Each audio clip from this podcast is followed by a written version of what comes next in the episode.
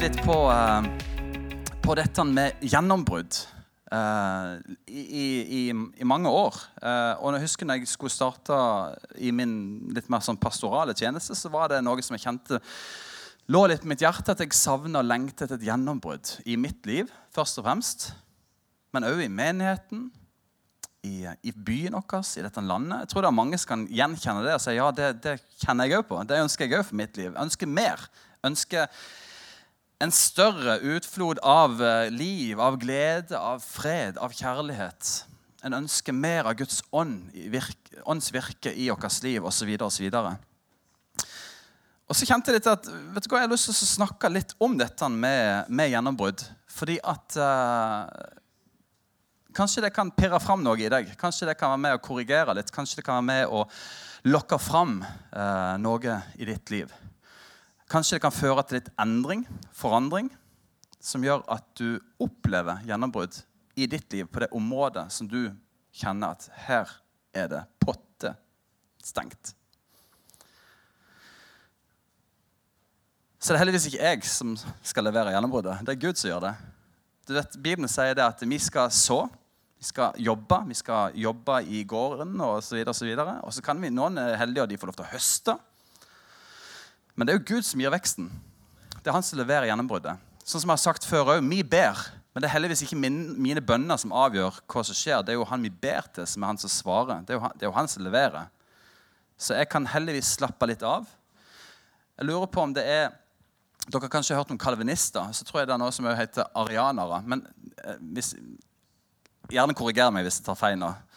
For de som hører på podkast i etterkant. Jeg er litt på tynn is nå.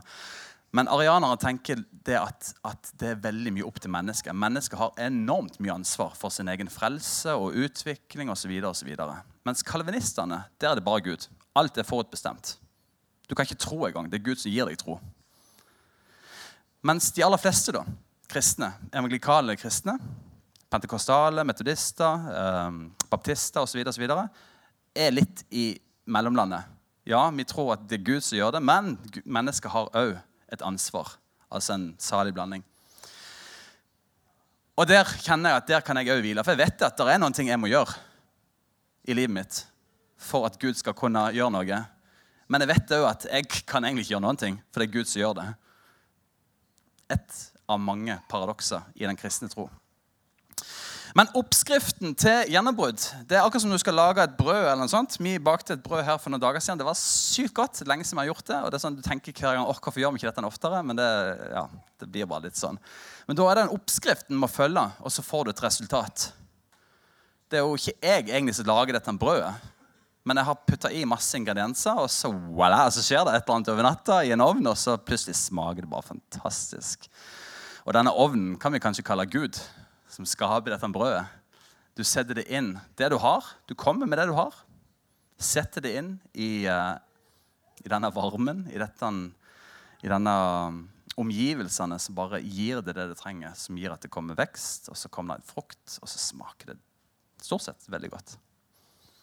Hvis du er litt god. Følg oppskriften.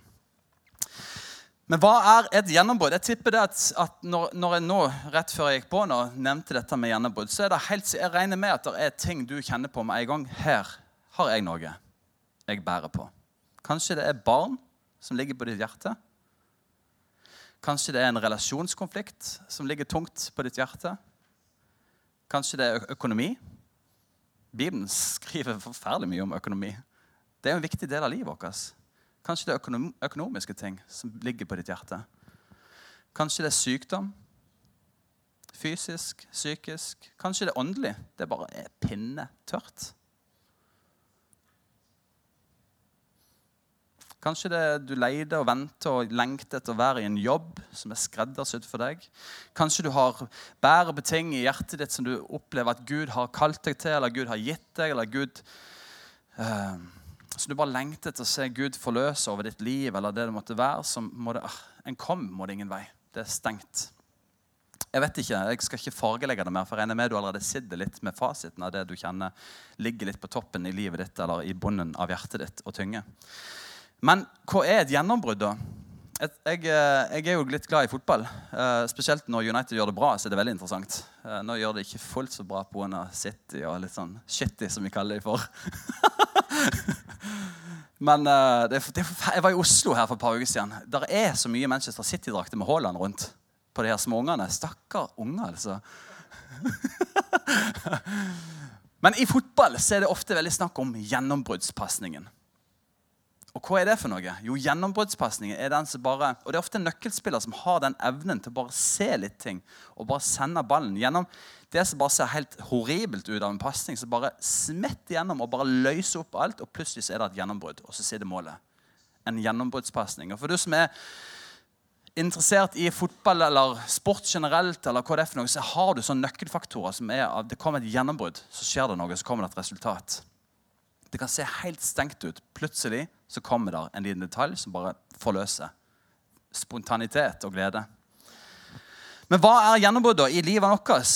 Jo, et gjennombrudd i meg og deg sitt liv det kan være en idé. En, en guddommelig idé som nesten kan føles forferdelig menneskelig ut. Og mest litt sånn, ja, ok, kanskje, men, men kanskje det er allikevel en gudsinspirert idé som bare fører til gjennombrudd i det du står fast i. En annen ting kan være at det kan være mennesker. Mennesker som bare får et gjennombrudd inn i livet ditt. En relasjon som kommer inn i livet ditt, som plutselig bare forløser enorme ting i livet ditt. Som gjør at det blir et taktskifte. At plutselig er det ting som faller på plass.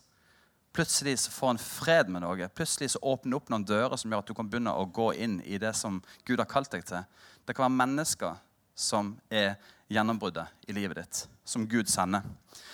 Et annet gjennombrudd kan være eh, at noen velger å si unnskyld. At de ber om tilgivelse. Kanskje det har blitt gjort noe urett mot deg, og en dag så kommer du og ber om tilgivelse. Eller la oss snu på det. Kanskje du har gjort noe. Og så kommer du til slutt til deg sjøl, og så ber du om tilgivelse. Vet du, Det kan forløse enorm velsignelse i livet ditt eller den eller de det gjelder. Et annet gjennombrudd kan være at du får deg en jobb. Plutselig er det gjennombrudd i det økonomiske. Plutselig er det mer frihet. Plutselig er det mindre bekymringer. Kanskje det kan være et gjennombrudd i troslivet ditt at du blir døpt i Den hellige ånd. Det er gjennombrudd. Du går fra, fra svart-hvitt-film til Imax 3D-kino.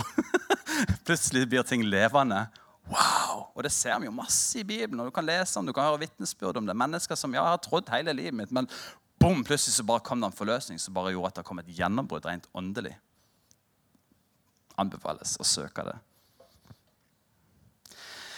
Et gjennombrudd kan være små steg, altså små ingredienser, små valg i livet ditt, som allikevel fører til enorme omveltninger i ditt liv. Det kan være ting som gjør at en opplever frihet fra sykdom eller synd. Altså vanesynd, ting som en sitter fast i, som en ikke klarer å slippe taket på, eller som en ikke klarer å, å uh, komme ut av. Et gjennombrudd i livet ditt kan òg være at du velger å ikke lytte på løgn, men at du velger å tro på sannhet. Det kan føre masse, masse gjennombrudd inn i livet ditt. Og En av de største gjennombruddene som verden har noen gang opplevd, var jo når Gud sa 'bli lys'. Det var mørke, plutselig ble det lys. Et enormt gjennombrudd. Lyset bare kom gjennom. Og en av de største som har skjedd i menneskets historie i forhold til forsoning mellom oss og Gud, er jo Jesu død og oppstandelse. Et enormt gjennombrudd i mitt og ditt liv. Plutselig har vi fred med Gud. Plutselig blir vi gjort levende. Plutselig har vi ikke lenger et steinhjerte, som Bibelen beskriver, men plutselig har vi et, et, kjød, altså et kjøtthjerte. Plutselig så har vi liv. Plutselig har vi fred. Plutselig har vi kraft og styrke. Liv i overflod, står det i Bibelen. Jesus sier det at, at det skal komme levende vann som bare renner ut av dere. Livet sammen med Den hellige ånd. Det er gjennombruddet. Så Sånn sett er jo mange av de andre tingene litt sånn secondary. Hovedgreiene er jo livet med Jesus.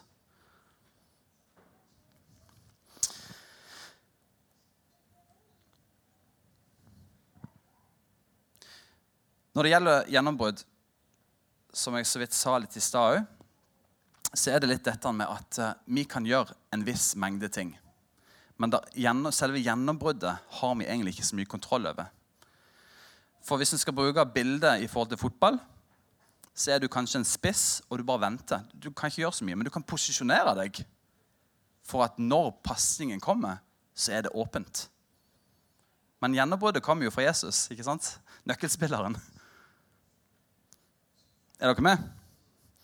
Så din posisjon på banen har jo mye. Så står du og sobber og klagende med keeperen. bare Midtbanespilleren er jo helt fjern, liksom. og gjør jo ingenting. Nytter jo ikke å stå der og klage. Du må stå og lure på offside-fella. Og når pasningen kommer, så er det på. Så meg og deg, vi kan posisjonere oss. Vi kan gjøre noen ting i livet vårt som gjør at gjennombruddet kommer. Og Det er litt det jeg har lyst til å snakke om i dag, og det er litt det vi skal snakke om de neste søndagene. For det er noen ting eh, av ingredienser i livet vårt, av valg vi tar, som er avgjørende for om gjennombruddet kommer eller ikke. Du kan bruke noen sekunder og tenke litt ja, ok, hva, hva er det for noe? Hva er det for mitt liv eventuelt? Er det ting jeg kan gjøre annerledes som gjør at jeg posisjonerer meg mer rett ifølge hva Guds ord sier, hva vi vet er bra for oss, hva vi vet skaper liv, hva vi vet er visdom og sannhet? Er det ting meg og deg kan gjøre annerledes? Kan du posisjonere deg på en annen måte?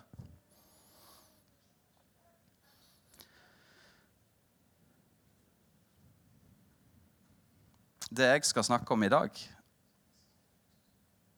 det handler om ydmykhet.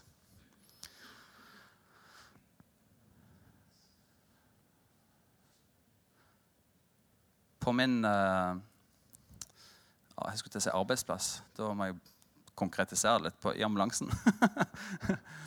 så, uh, så, har det de siste årene vært uh, kan ikke kalle det gjennomtrekk, men det har kommet mye nye folk på stasjonen og jobber. Og det er både gøy og spennende, og det kan jo være kjedelig og utfordrende. For at du er litt glad i at ting skal være sånn som det alltid har vært. Noen som kjenner seg igjen i det? Uansett, det du merker, da, og det som ofte kan bli snakkisen, er hva slags personlighet den typen har, som kommer inn og lager litt uorden i systemet. Og det er rart med det. Men det er noen som bare Wow, den, den har et godt ord med seg. Her er det mye bra, liksom. Så den tilfører masse godt inn i kollegialet. Og så har du kanskje andre mennesker som bare det, det, tar ikke lang tid, men du merker bare at folk har litt piggene ute, folk er oppgitt, folk går ut av rommet nesten. Hvis, altså, det er noe med de som bare er Ja, det svinger liksom ikke helt. Kjenner dere igjen? Ja, For dere som har vært i jobb eller som har vært plasser der en er engasjert i noe, så vet du godt hva jeg snakker om. regner med. Ja, hvem er du her, da? Nå er jeg interessert. Hvem er du? Fører du med deg mye godt inn på arbeidsplass, eller er du, eh, skal du mye drit? Det er jo kjempeinteressant. Skal vi ta en runde? Ransak ditt hjerte. Fører du med god duft og glede og forsoning og fred? Og oppmuntrer du, eller er du jeg skal, ikke, jeg skal ikke gå inn i det. Men en av de egenskapene som jeg ofte kan fort henge meg opp i, er hvis de er veldig uh, ikke lærevillige. De, de, altså de, er 20 år nyutdanna og bare kan alt. Å, kjære tid, da, da, blir det litt sånn Gikk deg ned noen hakk da? Jeg vet jeg er ikke så flink teoretisk, men jeg har jobbet i 15 år og begynner å få litt erfaring. Slapp av når et menneske, De kan være kloke, de kan være på'n, de kan være ekstroverte, de kan, være, de kan eie rommet, men du merker hvis det er ydmykhet i deres hjerte. Hvis de har en litt onnenifra holdning om at 'jeg ønsker å lære'. Jeg ønsker å være her for å tjene. Jeg ønsker å snakke folk opp. Jeg ønsker å bidra positivt. At de har et ydmykt, formbart, mykt hjerte. Det digger jeg. Jeg elsker det. Da er vi på line. Men idet folk kommer inn og bare ja, dere skjønner hva jeg mener, så kjenner jeg det artet skurre litt. I Bibelen, Vi, kan, vi må jo nesten lese litt i Bibelen skal vi ikke det? I Jakob sitt brev. Han skriver noe klokt i kapittel 4, vers 6. Og Der står det noe som, som er litt tøft, litt hardt. Det står at Gud står den stolte imot. Men han gir stor nåde til den som er ydmyk. Og det er litt sånn ja, Hva betyr det at han står imot? Han er motstander. Han, er det en front som kommer mot det? Liksom? Hva, hva, er det for noe? Gud står den stolte imot. Men han gir stor nåde til den som er ydmyk. Og Jeg kunne jo talt masse om bare det verset. der, for jeg tenker at Hovedingrediensen her handler om at hvis du er ydmyk, så er du formbar. Da kan Gud begynne å jobbe med deg. Men hvis du er stolt, så er det hardt. Du vet best sjøl. Jeg har min sannhet. Sånn er jeg bare. Ta meg sånn som jeg er. Jeg har ikke feil. Det var han som gjorde det. Da er det ikke så mye å jobbe med. Jeg vet ikke om dere har uh, folk i livet deres, eller unger kanskje, som er Du merker der er stolthet av og til som pirrer fram. Og det, det provoserer meg av og til. ja, men han gjorde det! Ydmykhet er det er ømt, det er godt, det er formbart, det er behagelig. Det sier 'Ja, jeg beklager. Jeg hadde nok del i dette. Jeg gjorde feil, jeg òg.' Gud gir stor nåde til den som er ydmyk. Og når vi leser i, Spesielt i Gamle Testamentet der er det veldig mye mirakler. Store naturting som bare endrer seg. Gud kommer og svarer om det er eh, kanskje det er hungersnød i landet. Så kommer det mat plutselig. Hvis det er et hav som bare blokkerer utgangen for israelsfolket, og det ser umulighet, så åpner Gud veien. Det er masse masse, masse sånne eksempler i Det gamle testamentet der israelsfolket er på en eller annen måte ute og kjører. Kanskje de har vendt den ryggen, kanskje de står i ødemarken og lurer på hva er svaret hennes. Vender de seg til Gud. For eksempel, eh, en, av, en historien er at eh, det er, er, en invasjon av slanger plutselig som biter israelsfolket. Og folk blir syke og dør. Og Moses bare sånn OK, nå begynner det å bli litt sånn Hva, hva skal vi gjøre nå for noe? Jo, lag en kobberslange og løft den opp. De som ser på den, skal bli friske. De skal bli frelst. Så det en ser ofte når israelsfolket venner seg til Gud, er ikke at Gud bare løser det. Det kunne han sikkert gjort. Men han er interessert i en relasjon. Han er interessert i en samhandling. Han er interessert i at du responderer, at du gjør din del. Så hver gang Gud kommer, eh, nei, israelsfolket kommer og sier Gud, vi trenger hjelp, så sier Gud ja, gå og gjør det. Og så gjør du det. Og så skal den komme der, og så skal du få det. Han kobler mennesker sammen. Han kobler Det er en stor, stor del av lydighet at du adlyder Guds um, ordre eller beskjed eller tiltale. At du handler på det. Da viser du tro. Da viser du lydighet. Lydighet er med å føre gjennombrudd inn i livet ditt. Altså, vi er litt vel heftig inn i nådelandet hvis vi tenker vi kan gjøre hva troll vi vil for noe. Gud, han passer på meg. Litt billig nåde hvis en tenker jeg kan leve akkurat sånn som jeg vil. Gud, han frelser meg uansett. Han er jo god. Gud har sin sannhet. Han har sitt ord. Og han inviterer oss inn i dette. Og da gir han av sin nåde. Den ydmyke gir han stor nåde. Feile og snuble og ballere, det klarer vi. Men idet vi begynner å bli stolte Nei, jeg kan gjøre akkurat hva jeg vil for noe. Gud, han velsigner meg. Han passer på meg. Jeg er jo frelst.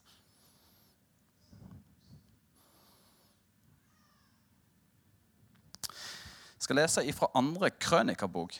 Hvis du har en bibel med deg, så ta og slå opp sammen med meg, kanskje på telefonen din eller hva det er for noe. Andre krønikerbok den er på side 510 i min bibel. det er ulike bibler, så det hjelper kanskje ikke, men det er litt, litt før midten. Andre krøniker. Så skal vi inn i kapittel 16. Vers 7. Og så skal vi lese om en konge som heter Asa. Og dette var en konge som var god i Guds øyne.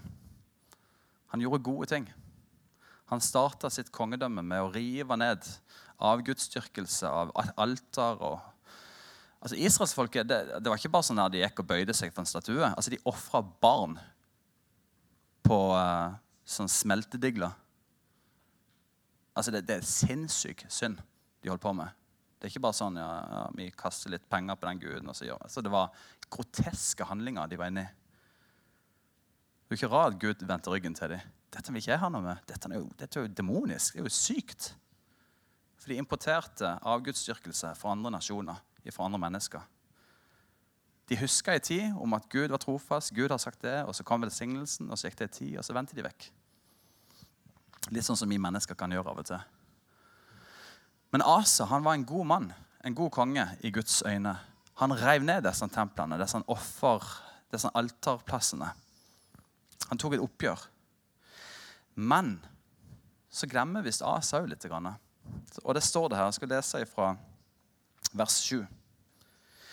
På den tiden kom seeren Hanani. En seer kan du kalle for en slags profet. En person som har innsikt i det åndelige. Han kom til Asa kongen av Juda, og sa til ham.: Fordi du stolte på Syrias konge og ikke har stolt på Herren din Gud, derfor har hæren til Syrias konge sluppet bort fra din hånd. Var ikke kushittene og libyerne en veldig hær med svært mange vogner og hestfolk? Men fordi du da stolte på Herren, så overga han dem likevel i din hånd. Så her viser han at ok, du har tapt et slag, men det er fordi at du stolte på kongen og ikke på Guds instruks. Husker du ikke at når du sto for denne utfordringen, så ga Gud deg seier, sier han. Så her, er her er det litt sånn før-etter. Så sier han i vers 9.: For Herrens øyne farer over hele jorden for å styrke dem som har et hjerte som er helt med ham. Og i dette har du gått fram som en dåre. Et annet ord, fint ord for idiot.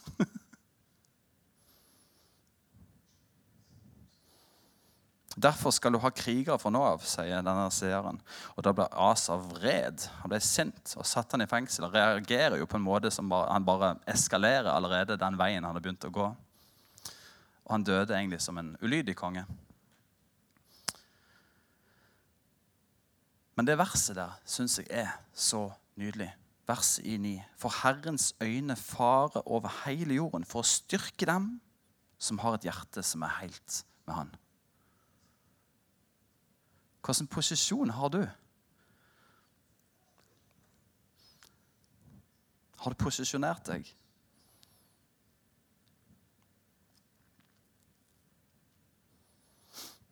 I 1. Peters brev 5-6 står det ydmykt dere da under Guds mektige hånd, så han kan opphøye dere når tiden kommer. Kast all deres bekymring på han, for han har omsorg for dere. Bibelen lærer oss enormt mye om det å være ydmyk det å være villig, det å være åpen for at Gud kan korrigere, det å ydmyke seg vil si at jeg ser bort ifra mitt liv eller mine valg eller mine ambisjoner eller mine drømmer, og så velger jeg å ydmyke meg under Guds vilje. Og der er det nåde å få. Der er det velsignelse å få. Der er det beskyttelse. Der er det liv. Der er det gjennombrudd. Å være lydig. Ydmyk deg for Gud.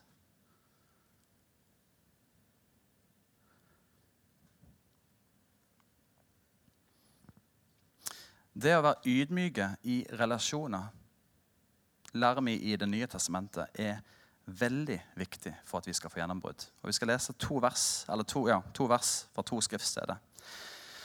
Det ene står i første Johannesbrev.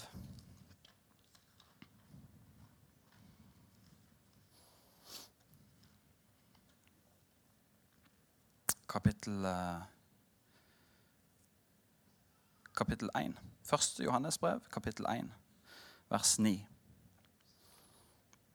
Og det, det, her peker på den første relasjonen som jeg og deg må ha i orden.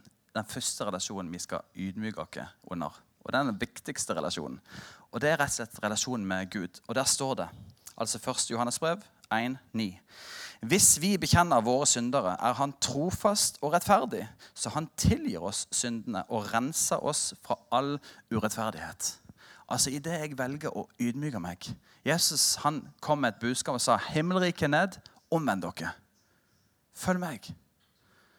Så det, det, er jo det første vi gjør. ikke sant? Vi venner oss til Gud. Jeg ønsker å følge deg, Jesus. Jeg ønsker å lære deg. Jeg ønsker å, å, bli lik deg, Jesus. Jeg ønsker at du skal følge meg med din Hellige Ånd. Jeg ønsker å ha dette livet sammen med deg. Så i det vi bekjenner våre synder, det er jo en ydmykelse. Jeg klarer ikke det. Jeg har drevet meg ut der. Jeg har bomma på målet der. Jeg lever på den måten. Jeg sliter med det. Jeg er avhengig av det. Jeg snubler alltid når det kommer til dette. Det å bekjenne dine synder for Gud Han elsker det. Han, han Åh. Når jeg var liten Jeg tror jeg har sagt det mange ganger før, for det, litt, det, var, en litt, det var, en ydmykelse for min del. da. Uh, jeg, jeg naska og stjal mye da jeg var liten. Hvem hadde trodd? jeg, jeg stjal veldig mye. Jeg var, jeg, var, jeg var, en liten tyv, rett og slett. Jeg stjal penger. Det begynte med at jeg stjal penger i sånn uh, norgesgass hos mamma. De hadde masse sånn kronestykker, femmer og tier, sånn løspenger oppi krukka. Og når jeg da skulle på skolen, jeg begynte å bli større og skjønte hvordan verden fungerte, så skjønte jeg at hvis jeg har penger, så kan jeg kjøpe tyggis. Hvis jeg har penger, så kan jeg kjøpe det. Så da gikk jeg alltid, når ikke mamma de var der, opp, klatra opp på kjøkkenbenken, opp med skapet. Husker du hvor han sto henne? Ja? Du òg var der. du òg var der. Har du bekjent mine, dine synder, min venn? Ja. ja. Nei, så jeg, eh, jeg, jeg var der og plukka penger. Det begynte litt der, for det var trygt. Det var, det var, det var ikke så farlig, på en måte, det var hjemme. Men etter hvert så begynte jeg å tøye strikken. Så var vi på Statoil, gamle, eller Circle K. Og uh, det var mye jeg ville ha. Det var mye godteri. Og da var det en søt, gammel mann. Han var ikke gammel da, han er gammel nå, men da var han jo sikkert bare 40. Nei, det var ikke gammel, det var En av de hersalsmennene. i hvert fall. Gammel var han, tror du? 50, kanskje? Han så gammel ut. Uansett, han var jo så søt, men, men han trodde jo blindt på Det, jo, det gikk jo sport i hvor mye snop du klarte å ta uten å måtte betale for det. For greia var den at Da kosta smågodt Det var kanskje 50 øre for den og 10 øre for den. og Så samla du opp i posen, så har du kanskje plukka for 20 kroner eller 30 kroner. Og, og vi plukte og plukte. Og du, vi trengte jo ikke vise denne posen engang. Vi sto jo bare der med litt sånn jevnt under disken og bare ja, 'Plukket for 20 kroner.' ikke sant? Og så løy du jo som det rant jo av deg. vet du. Og var jeg var nervøs. for Tenk om kontrollspørsmålet kom. Ja, kan jeg se? Så hadde jeg jo sett at her er det jo overflod av snop. Og så begynte jeg å stjele fotballkort og Pokémon-kort. Nei, ikke Pokémon, det var etter min tid, men fotballkort spesielt. Så jeg, jeg, jeg stjal mye. Ikke sånn store mengder. ikke sånn Jeg gikk inn med finlandshetter. Det, det, er ikke der, altså. Men eh, jeg naska. Jeg stjal. Og etter hvert, Jeg husker ikke gammel jeg var, men jeg var sikkert 10-11-12 år. Så kjenner jeg etter hvert at samvittigheten begynner virkelig å jobbe. Det skjer et, en forandring i livet mitt. Og det her hang nok sammen veldig mye med at jeg fikk, en gudsopplevelse. Jeg ble åndsdøpt. Og det skjedde en del forandringer i livet mitt. Plutselig så begynner Gud å jobbe. Og det verka så i meg, for jeg hadde holdt på i mange år med dette. Og så husker jeg det var en natt jeg ikke fikk sove, eller en kveld. Og jeg husker jeg begynte å grine. Jeg ropte på pappa. 'Pappa, jeg har stjålet masse godteri og ting og tang på Statoil.' Jeg, har så, jeg husker ikke hva jeg sa, for noe, men det, det var mye tårer og snørr. Og så sa han, 'Ja, men det er greit, Kristoffer. Vi skal gå ned i morgen, så skal jeg betale for deg.' Og husker Altså, for et gjennombrudd i min byrde. Jeg kunne jo valgt å bare kvele det, ikke sant? Og bare ignorere det. Men jeg valgte å bekjenne mine synder. Og jeg fikk frihet. Jeg stjal sikkert etter det òg, vet ikke jeg. Men det begynte en prosess der jeg plutselig kunne vokse ut av dette. Og jeg skal være ærlig, Det har vært et problem for meg. Det var fristelser opp i 20-årene òg. Kjempevanskelig dette med penger. For ingen ser det jo. Men i dag, jeg må si, i dag, jeg tror det er sikkert 15 år siden jeg har kjent fristelsen. Så det, det er jo det som er så nydelig når Gud jobber med oss. Det kan ta lang tid. Gjerne burde komme, ikke alltid bang der, og så er alt fint. Men gjennombruddet for meg kom med at jeg bekjente. Og så var jeg lydig. Jeg var ydmyk. Jeg ønsket, å, jeg ønsket å endre meg. Og så kommer han med sin nåde og gir vekst. Derfor er det viktig at ikke vi går rundt med pekefinger og peker på folk at ja, har du ikke kommet lenger på det området. Eller, du aner ikke hva slags prosesser mennesker går i. Vi òg skal være ydmyke og kjærlige og nådefulle i vår tilnærming til mennesker. Vi skal ikke bare klippe det av bare fordi de ikke får det til. Så der fikk jeg oppleve det her, da. Som det her, hvis det her var på en måte et eksempel på meg og Gud, da, Kristoffer som liten gutt og pappa Hvis vi bekjenner våre synder, så er han trofast og rettferdig. Han betalte jo. Ellers hadde det ikke vært rettferdig. På samme måte, alle mine synder Det må jo et oppgjør til. Straffen skal jo altså, Hvis Kim André her nå hadde kjørt på en liten unge i byen, den hadde dødd, så hadde det vært kjempeurettferdig hvis dommeren sa ja, ja, men det, det, det går bra. Han er jo ellers veldig grei. Han har jo gjort mye godt for Flekkefjord. Nei, det må jo en dom til. Det er derfor vi har et rettsvesen. For at ikke mennesker skal begynne å gå amok. Da må en dom til for at det skal være rettferdig. På samme måte så døde Jesus for meg og deg for at det skulle bli rettferdig. Ellers kunne ikke Gud tilgi. Dommen er utført. Sønnen er betalt. Meg og deg står rettferdig fordi Jesus ga sitt liv pga. meg og deg sine feil og mangler. Så når vi, bekjenner vår synd for Gud, så kan han tilgi. For dommen er allerede utført. Synden er allerede betalt. Pappa gikk og gjorde opp for meg. Da ble det rettferdighet. Ellers hadde det jo bare vært en medsammensvorelse, og så hadde vi lurt de begge to, liksom. Dommen er gjort. Jesus har betalt prisen. Og det andre verset dette er jo mellom meg og Gud. Dette er mellom deg og Gud. Det å være ydmyke. Det andre verset er i Jakobs brev. Går tilbake der kapittel 5, vers 16. Så skal vi gå mot en avslutning her. Og dette er viktig. Dette er kjempeviktig. For vi skal oppleve frihet og frelse og renhet og alt det her hos Gud. Men her står det noe annet. I vers 16.: Bekjenn overtredelsene, altså bekjenn dine feilskritt for hverandre, meg og deg sånn at dere kan bli helbredet. Så der er en tiltale fra Guds ord her om at vi skal bekjenne våre feil og mangler for hverandre. Du trenger et fellesskap. Og Du trenger ikke bare være en del av et fellesskap, men du må være transparent, ærlig, åpen, ydmyk. Det betyr ikke at du skal stå på plattformen her hver søndag og fortelle hvor mye dumt du har gjort denne uka. Det betyr at du lever et liv der du kanskje har noen du kan holdes ansvarlig for. Noen som du kan dele dine svakheter med, som kan be for deg. Så står det i Guds ord at da skal du oppleve helbredelse. Så det å leve i ydmykhet innenfor Gud kommer, Det kommer et gjennombrudd med frelse, med gjenopprettelse, med, med at du blir rensa fra synd. Men å ydmyke seg i relasjoner, i trosfellesskapet du er en del av, så vil du oppleve helbredelse. Og Da tenker jeg det peker på dette med min, min, mine sjeliske behov. Mine synder, det det måtte være. Eller kanskje til og med faktisk eh, fysisk sykdom. Det kan være ting som ligger over ditt liv, som forløses i at du bekjenner. Det vet bare Gud. Men Bibelen peker på at ydmykhet er en god vei å gå. Det er en nydelig posisjon å stå i. For du er i en posisjon der du plutselig kan ta imot gjennombrudd. Om det er frelse, om det er renselse, om det er frihet, om det er helbredelse, om det er gjenopprettelse. Hva som helst. Å være ydmyk posisjonerer deg for gjennombrudd. Men det koster. Du mister litt ansikt. Du viser plutselig at du er litt svak. Det viser at du kanskje har tatt feil, til og med.